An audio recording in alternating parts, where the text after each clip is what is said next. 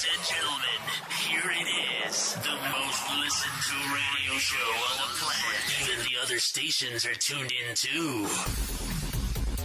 Wiba Podcast Wiba, waktu Indonesia bagian asuransi.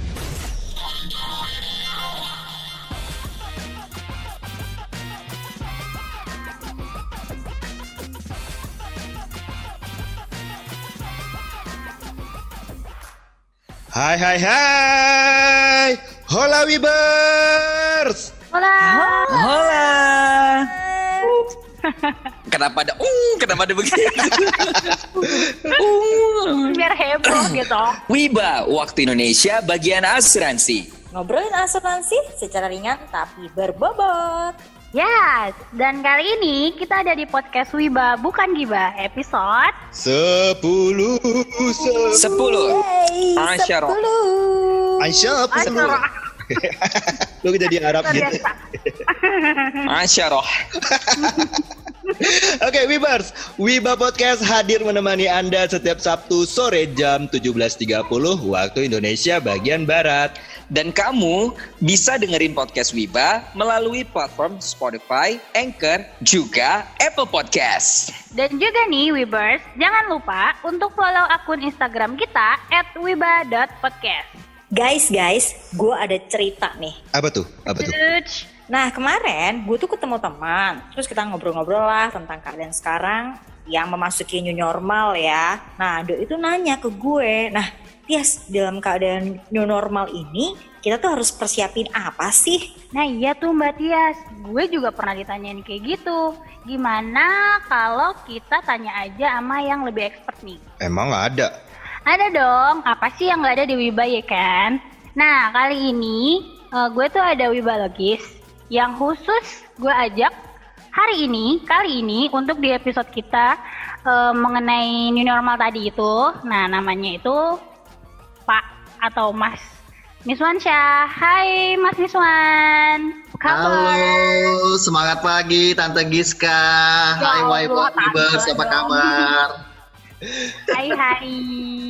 Hai hai. Hai, juga. Mas. Halo Mas Miswan Halo Om Ini- Dika. Ini manggilnya Om Mas Miswan atau Pak Miswan sih? Udah Iya. panggil aja Akang. Aka Iya. Jadi lapar. Katanya ini buat ini, buat para apa? Milenial tuh. Iya iya iya iya. Kita ngobrolin Jadi yang apa nih? Akang ya. Terserah atur aja. Gue panggil Om sama Tante aja ya. ya Allah, langsung berasa ini.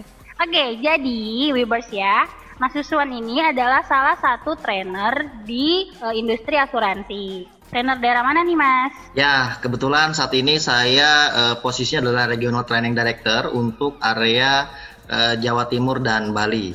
Wah, asik dong ya Mas Miswan bisa jalan-jalan ke Bali terus. Udah lama ya Mas, by the way kerja di asuransi? Eh, kurang lebih sekitar 10 tahun Mbak Tias saya di industri asuransi.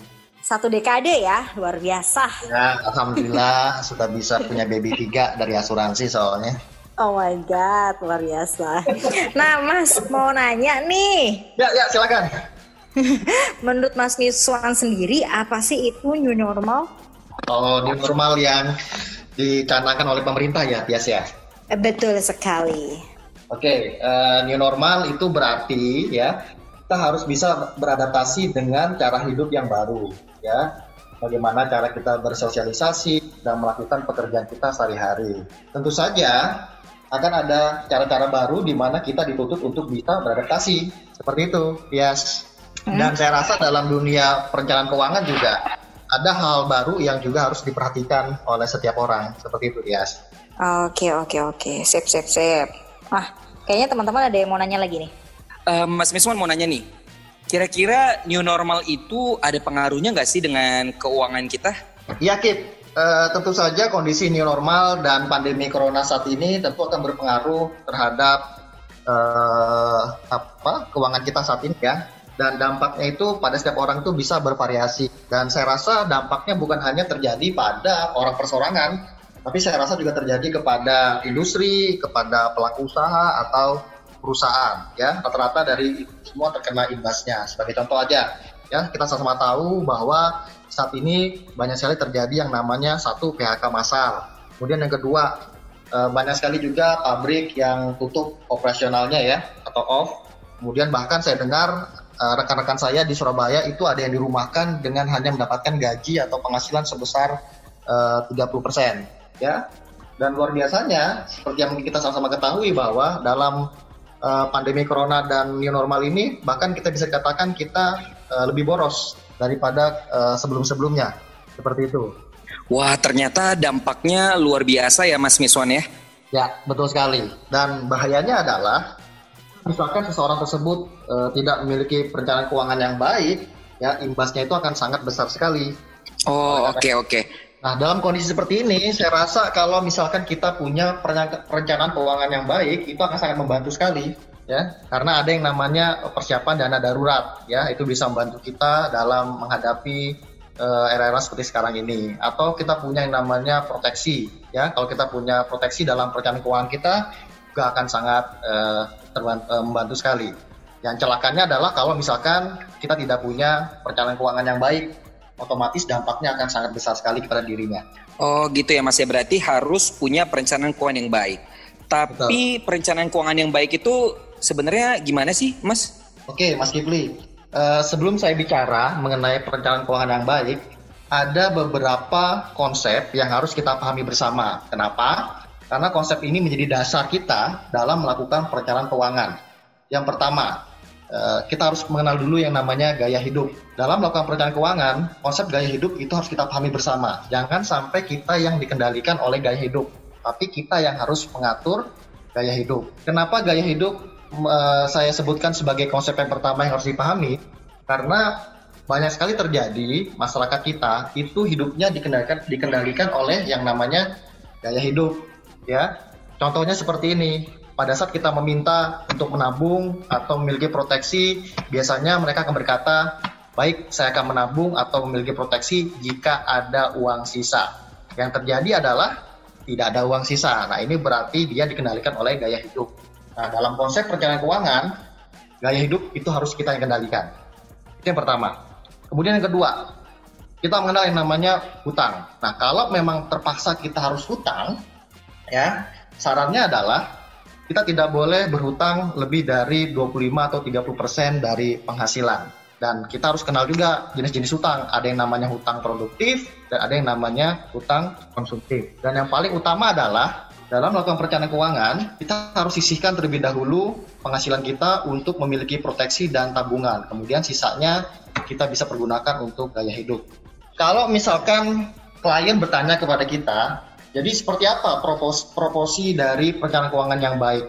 Itu semuanya balik kepada standar dari masing-masing perencana keuangan. Contoh seperti mungkin teman-teman tahu yang namanya Lee Ka-sing ya, Lee Ka-seng.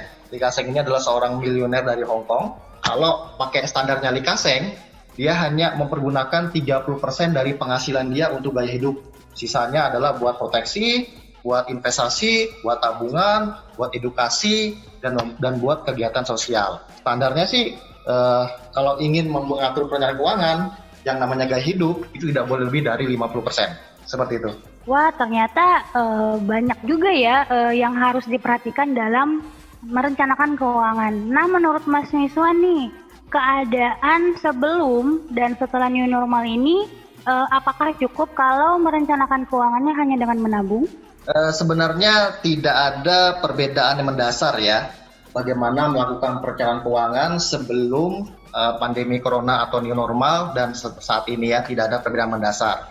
Namun yang harus menjadi perhatian saat ini adalah eh, kita harus lebih fokus kepada yang namanya persiapan terhadap eh, resiko hidup. Ya, oleh karena itu seperti yang saya sampaikan di awal tadi, pada saat melakukan perencanaan keuangan tidak boleh menghilangkan unsur proteksi ya dan rata-rata yang terjadi saat ini adalah hanya memasukkan unsur tabungan setelah itu adalah gaya hidup nah ini berbahaya sekali seperti itu Berbicara proteksi berarti kita berbicara asuransi jiwa. Nah, kaitannya perencanaan keuangan dengan asuransi jiwa yang merupakan proteksi itu tadi. Asuransi jiwa yang seperti apa nih yang tepat untuk perencanaan keuangan kita? Oke, Mas Dika, kalau kita bicara yang namanya asuransi jiwa, sebenarnya banyak sekali jenis-jenis asuransi jiwa. Namun kalau misalkan kita bicara yang utama dan yang harus ada adalah yang namanya asuransi jiwa untuk bicara mengenai tutup usia. Karena itu adalah proteksi dasar yang harus dimiliki kita semua. Kita tentu saja tidak ingin uh, keluarga yang kita tinggalkan hidupnya susah kalau misalkan terjadi suatu pada diri kita. Dan kita sama-sama tahu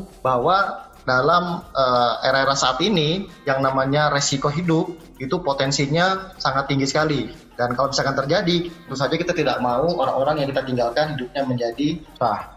Nah kalau misalkan Mas Dika bicara mengenai asuransi apa yang cocok, saya rasa itu balik kepada kebutuhan setiap orang. Namun kalau boleh saya beropini dalam kondisi yang tidak menentu saat ini, mungkin yang cocok adalah asuransi jiwa tradisional yang memberikan kepastian-kepastian saja. Dan kalau misalkan kita lihat dari sudut pandang lain, misalkan bisa melihat atau membaca peluang dari kondisi ekonomi yang lagi jelek dan kita melihat jangka panjang, mungkin asuransi jenis unit link itu cocok. Tentu saja dengan risiko yang mengikutinya. Jadi saran saya silahkan teman-teman atau rekan-rekan berdiskusi dengan uh, financial planner masing-masing. Seperti itu Mas Dika. Oke, berarti lebih ke mau itu asuransi jiwa unit link ataupun tradisional sebenarnya sah-sah saja ya mau pakai yang mana. Oke.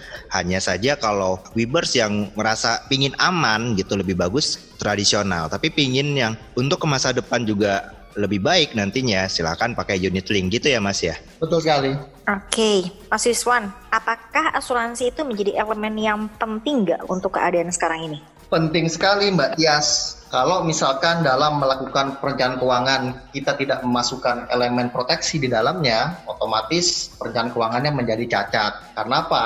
Karena kita tidak tahu yang namanya hidup kan penuh ketidakpastian ya. Kita sudah melakukan perencanaan keuangan yang dengan baik kita sudah punya banyak impian yang ingin kita capai terus kita menabung atau berinvestasi untuk mencapainya. Namun ternyata tiba-tiba di tengah jalan terjadi suatu resiko hidup. Contoh misalkan terjadi resiko hidup maaf nih ngapunten ya eh, positif corona dan ternyata harus tutup usia ya otomatis akan bermasalah. Jadi proteksi adalah elemen yang tidak boleh dihilangkan dalam perencanaan keuangan. Dan celakanya rata-rata masyarakat Indonesia uh, lupa atau mungkin pura-pura lupa ya untuk memasukkan unsur proteksi dalam perencanaan keuangannya. Nah, itu dia sih permasalahan yang paling mendasar ya untuk masyarakat Indonesia karena mereka belum aware banget nih mengenai proteksi itu sebenarnya buat apa, kemudian keuntungannya dan manfaatnya itu apa. Makanya ya semoga dengan Wiba Podcast ini kita bisa mengedukasi lah ya masyarakat Indonesia biar lebih melek lagi nih mengenai benar. asuransi. Benar, ya. benar, benar. Kalau boleh tambahkan Mbak Tias dan uh, Mbak Giska dan Mas Dika dan Mas Kipli, saya punya quote yang selalu saya sampaikan kepada setiap klien saya. Mau dengar nggak uh, quote-nya seperti apa? Boleh. Mau tahu banget, Bos. Oke. Okay. Yang pertama, ya, uh, sisihkanlah 10% penghasilan Anda untuk uh, melindungi aset dan untuk menambah kekayaan yang Anda miliki. Yang pertama. Yang kedua, sekaya apa pun kita, itu bisa hilang dalam sekejap kalau tidak punya yang namanya proteksi. Quote yang ketiga, kita ikut asuransi bukan karena kita harus meninggal, tapi ada orang yang kita tinggalkan dan kalau kita mencintai orang-orang tersebut, kita harus punya proteksi. Seperti itu, teman-teman. Oh, oke. Okay. Oh, so sweet. so sweet banget ya. Nah, Mas Miswan ngomongin asuransi dan ngomongin ya ngomongin asuransi jiwa gitu kan. Karena tadi katanya itu adalah uh, sebuah elemen yang sangat penting banget dan juga kalau seumpamanya nggak ada proteksi atau asuransi jiwa, sebuah perencanaan keuangan itu akan cacat atau nggak ideal.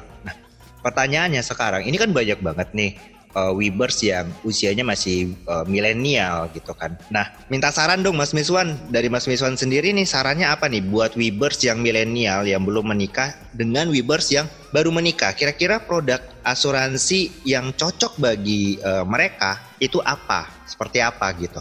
Kalau saya boleh berasumsi, saya asumsikan saja bahwa uh, mereka ini adalah uh, milenial yang baru bekerja dengan penghasilan mungkin yang masih tidak begitu tinggi seperti itu ya.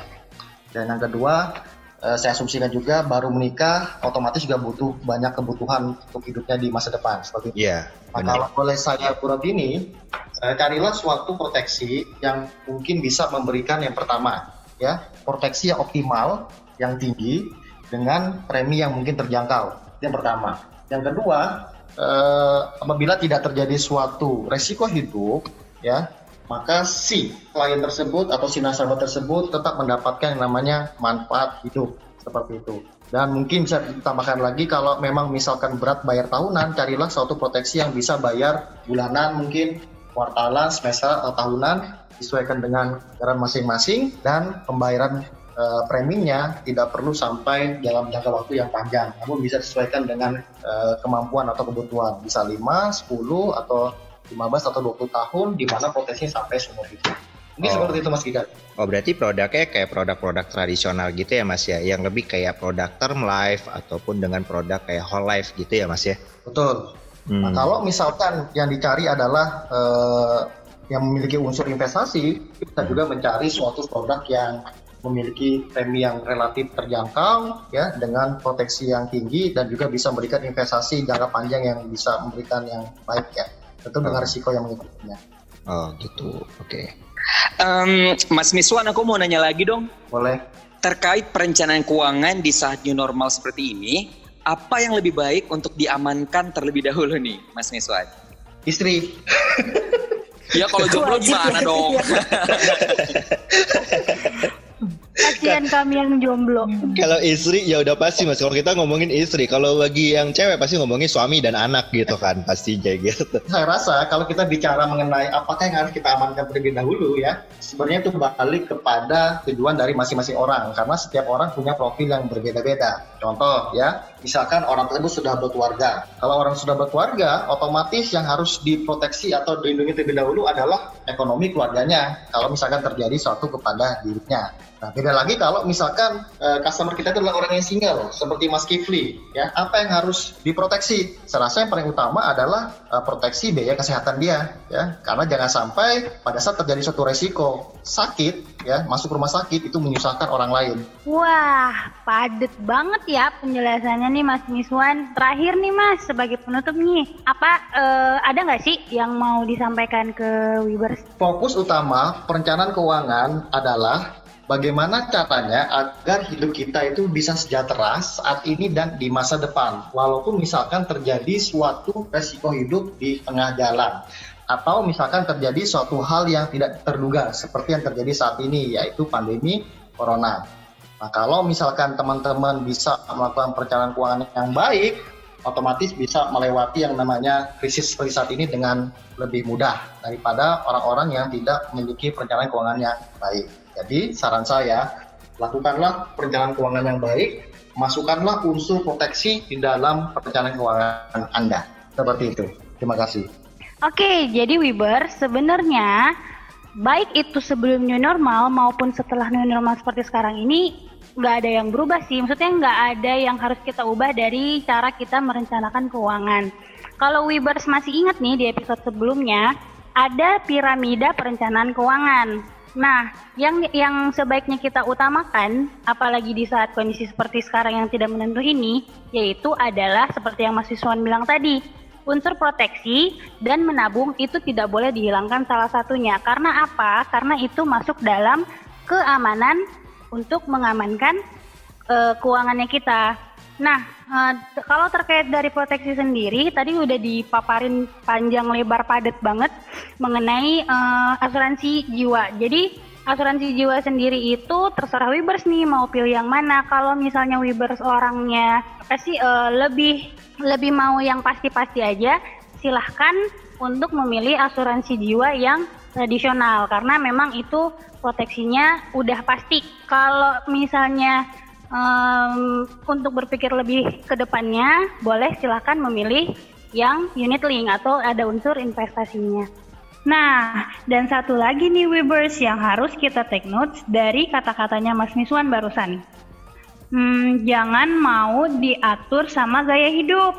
Kita nih yang harus ngatur sendiri gaya hidup kita. Jadi, amanin dulu deh keuangannya kita dengan melengkapi tabungan dan proteksi.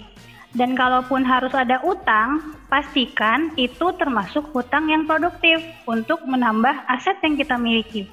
Biar kita bisa aman dan nyaman untuk menjalani gaya hidup yang kita mau. Uh, Oke, okay. Uh, makasih ya Mas Miswan atas waktunya. Panjang enak banget nih, bagus banget, banyak banget yang kita terima nih hari ini dari obrolan bareng Mas Miswan. Terima kasih. Oke, sama-sama Giska, teman-teman Dika, Tias, dan Kifli. Kifli cepat menikah, Amin. Amin, amin. Oke, eh, sebenarnya kita ngobrol sama Mas Miswan juga apa ya, enak banget ya dan ringan banget sebenarnya buat Wibers memahami mengenai asuransi jiwa dan dalam keadaan yang pandemi seperti ini. Gitu. Nah, Wibers, nah, siapa lagi nih yang akan kita hadirkan untuk Wiba episode minggu depan? Ayo, nantikan aja di Wiba Podcast ya pastinya. Makanya Wibers, selalu dengerin Wiba Podcast setiap hari Sabtu jam 17.30 waktu Indonesia Barat. Di platform Spotify, Anchor, atau Apple Podcast. Nah, Wibers, jika menurut kamu podcast ini bermanfaat, bantu kami ya untuk mendengarkan podcast ini sampai selesai dan juga jangan lupa share dengan keluarga atau teman-teman kamu. Nah, terakhir nih Wibers, please jangan lupa untuk like, share, dan follow Instagram kita di @wibah.podcast. Oke, Giska sign out. Tia sign out. Kifli sign out. Dan Andika Topano sign out. Yuk, caca. Dadah, bye-bye. Caca. bye bye. Apa nih? Bye bye. Ciao atau bye bye. Ciao and bye. And cincau.